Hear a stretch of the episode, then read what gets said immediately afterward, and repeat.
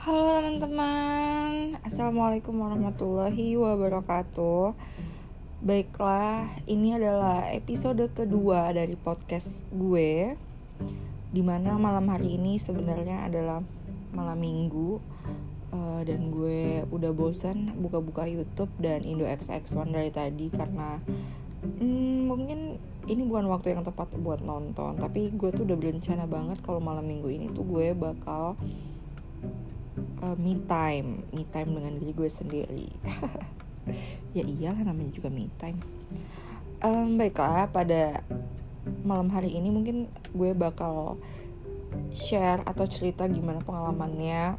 Pengalaman gue tiga bulan almost empat bulan ke belakang di mana gue magang di salah satu perusahaan BUMN yang ada di Indonesia atau terutama yang berada di Jakarta yaitu uh, ada perusahaannya tidak perlu gue sebutkan. Nah jadi begini kita mulai dari mana ya? Oke ini gue udah menyusun beberapa skrip atau beberapa pertanyaan yang mungkin akan muncul uh, dari teman-teman semua. Dari sini gue sotil aja. Oke, gimana awal bisa uh, masuk atau magang ke perusahaan BUMN jadi for information aja kalau magang di BUMN itu sebenarnya banyak banget infonya. Apalagi di kampus-kampus di career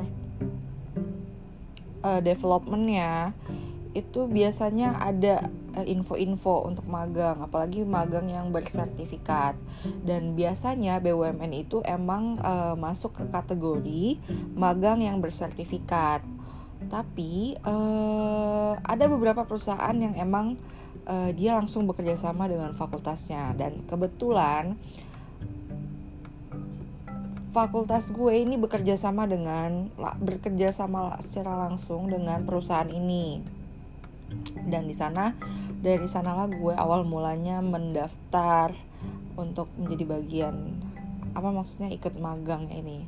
Dan gue tuh sebenarnya uh, pas penelitian penelitian astaga penelitian skripsi itu gue juga udah mulai bekerja. Tapi gue hanya bekerja selama dua minggu kalau nggak salah di tempat uh, tempat skripsi gue yaitu tempat gue ambil data. Jadi gue menyelam sambil minum air lah gitu seperti itulah kira-kira. Nah jadi gue informasikan juga jadi kalau magang bersertifikat ini itu kadang-kadang dimanfaatkan oleh perusahaannya.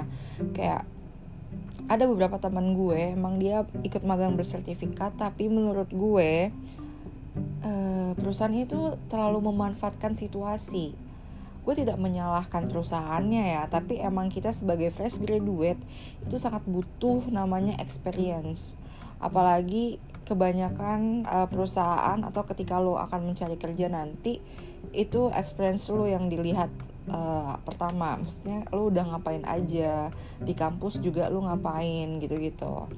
Nah uh, untuk ini kali ini uh, untungnya gue tuh ikut beberapa organisasi uh, yang ada di kampus dan gue juga pernah mag uh, pernah bekerja di tempat gue penelitian. Jadi itu mungkin akan menambah value atau menambah nilai. Tapi gue tidak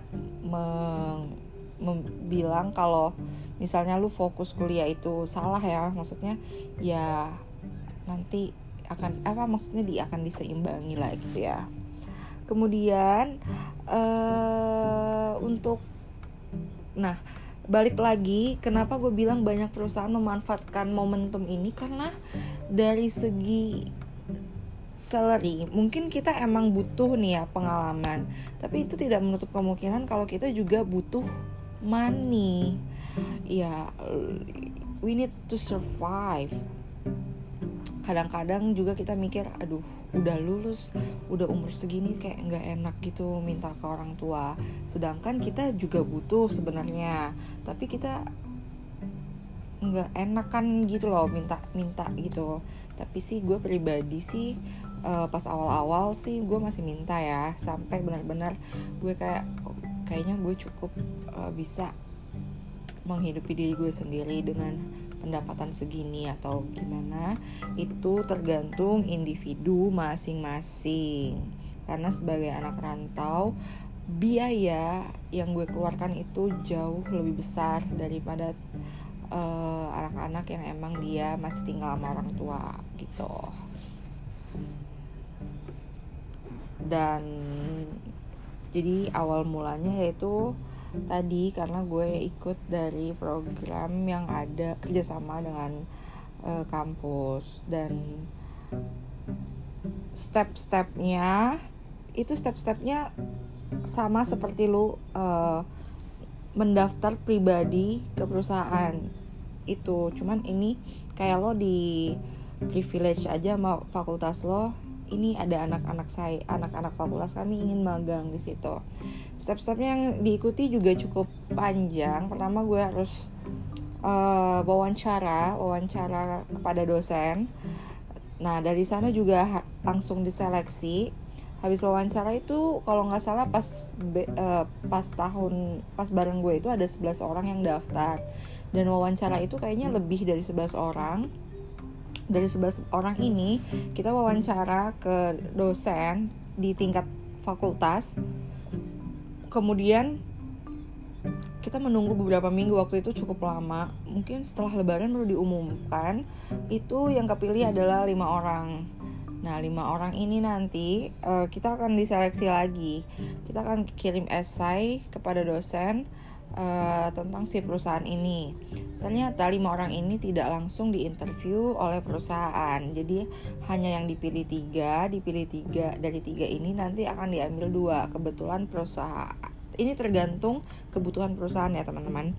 Jadi perusahaan waktu itu uh, membutuhkan dua orang. Jadi dari tiga orang yang sudah interview user maksudnya udah masuk ke tahap interview perusahaan akan diambil dua orang saja. Dan kebetulan gue adalah salah satu yang lolos ke tahap akhir ya akhirnya diterima. Dan bersama satu lagi teman gue. Nah di sini uh, baik udah itu awal bisa masuk magang dan bagaimana step-stepnya kemudian bagaimana? Apa yang apa aja apa saja yang gue alami setelah masuk magang? Awalnya tuh gue agak shock. Maksudnya ya lu sebagai anak kuliah yang awalnya leye leye hahaha di kampus yang lo tahu cuma uh, ke kampus organisasi terus semua uang masih diakomodir sama orang tua dan sebagainya. Di sini gue mengalami shock culture yang cukup cukup berat sih. Tapi untungnya gue melalui itu dengan uh, fun aja. Karena gue waktu itu bersama temen gue juga. Jadi tidak terlalu berasa shock culture-nya. Karena gue masih ada tempat bercerita. Ya menurut gue tempat cerita ini penting sih. Penting banget buat bagi semua orang ya. Nah di sini shock culture-nya adalah kebetulan gue adalah orang yang sangat fleksibel dengan waktu. Di mana kayak gue tuh hobinya main gitu loh. Hobi main dan tiba-tiba gue bekerja di salah satu perusahaan di mana waktunya yang benar-benar benar-benar on time yang benar-benar strict sama waktu ya sesuai peraturan juga sih yang bekerja dari jam 8 sampai jam 5 nah kondisinya itu gue berangkat dari Bogor PP setiap hari sampai Jumat dan ya gue menikmati sih. Tapi ketika untuk di kantornya itu gue agak shock karena uh, gimana ya, itu salah satu perusahaan BUMN tertua juga dan budayanya sangat kuat. Ya kebanyakan generasi baby boomers di mana mengalami sedikit gap terhadap generasi gue itu generasi milenial I don't know apakah gue masih masuk termasuk uh, apa generasi milenial atau tidak. Tapi gue menganggap diri gue generasi milenial. Nah di sini uh, yang perlu dihadapi adalah ya lu pandai-pandai saja untuk beradaptasi. Karena di mana pun lo berada nantinya ketika lo bisa beradaptasi lo bakal diterima di kelompok itu. Dan akhirnya gue berusaha beradaptasi ya karena gue juga anaknya sangat gue mengakui anak gue tuh fleksibel banget. Nggak tahu sih orang-orang menganggapnya uh, gue fleksibel atau enggak tapi gue ngerasa diri gue sangat fleksibel. Nah di sana gue mencoba beradaptasi seiring berjalannya waktu ya. Karena adaptasi ini tuh tidak mungkin secepat lu membalikkan telapak tangan lu butuh proses. Sekitar gue satu bulan pertama tuh kayak masih uh, kerasa. Kerasa lama sampai akhirnya tuh gue mengikuti diajak meeting segala macam terus gue menemukan titik nyamannya gue di sana. Nah ketika lu udah menemukan titik nyaman lu sebenarnya uh, itu awal yang baik karena lu udah berhasil beradaptasi ke lingkungan baru. Dan buruknya adalah ketika lu sudah menemukan titik nyaman nanti lu akan tetap uh, stagnan biasanya. Ya tidak mau berkembang susah berkembang. Tapi uh, itu harus dihindari ya teman-teman. Maksudnya ketika lo menemukan titik nyaman itu dijadikan tempat acuan ketika lo merasa boring atau merasa uh, kok ini kayak berat banget gitu. Nah gitu deh pokoknya. Itu juga sekalian Gus menjawab proses adaptasi gue ke BUMN Gue kayak ya gue mencari ya menyimbangkan aja lah dengan cara bertemu teman-teman gue di kampus yang lama. Dan kebetulan juga ada beberapa teman gue yang juga malangnya di BUMN tapi bener-bener kalau di perusahaan ini itu bener-bener gue kayaknya yang paling muda gitu. Divisi-divisi lain itu tuh kayak gimana ya belum nggak ada yang seumuran sama gue gitu loh jadi ya nikmati aja. Dan untungnya itu gue laluin bersama salah satu temen gue. Jadi ya fine fine aja gitu loh. Karena berdua jatuhnya berdua. Um, buat selanjutnya mungkin malam ini batas itu dulu ya. Karena gue feels so sleepy. Ternyata ini ngoceh-ngoceh dari tadi ya. Uh, mungkin gue akan lanjutkan besok sekarang gue mau siap-siap buat tidur karena mungkin besok akan melakukan sebuah perjalanan. No no no, it's not a journey. Maksud gue gue akan melakukan sebuah kegiatan. Ya beres-beres kamar. Oke okay, terima kasih teman-teman. Uh, nanti sharing-sharingnya kita bakal uh, ganti lagi ya. Maksudnya bakal sharing-sharing lagi di next time kalau gue dan tidak mager. Oke okay, bye bye thank you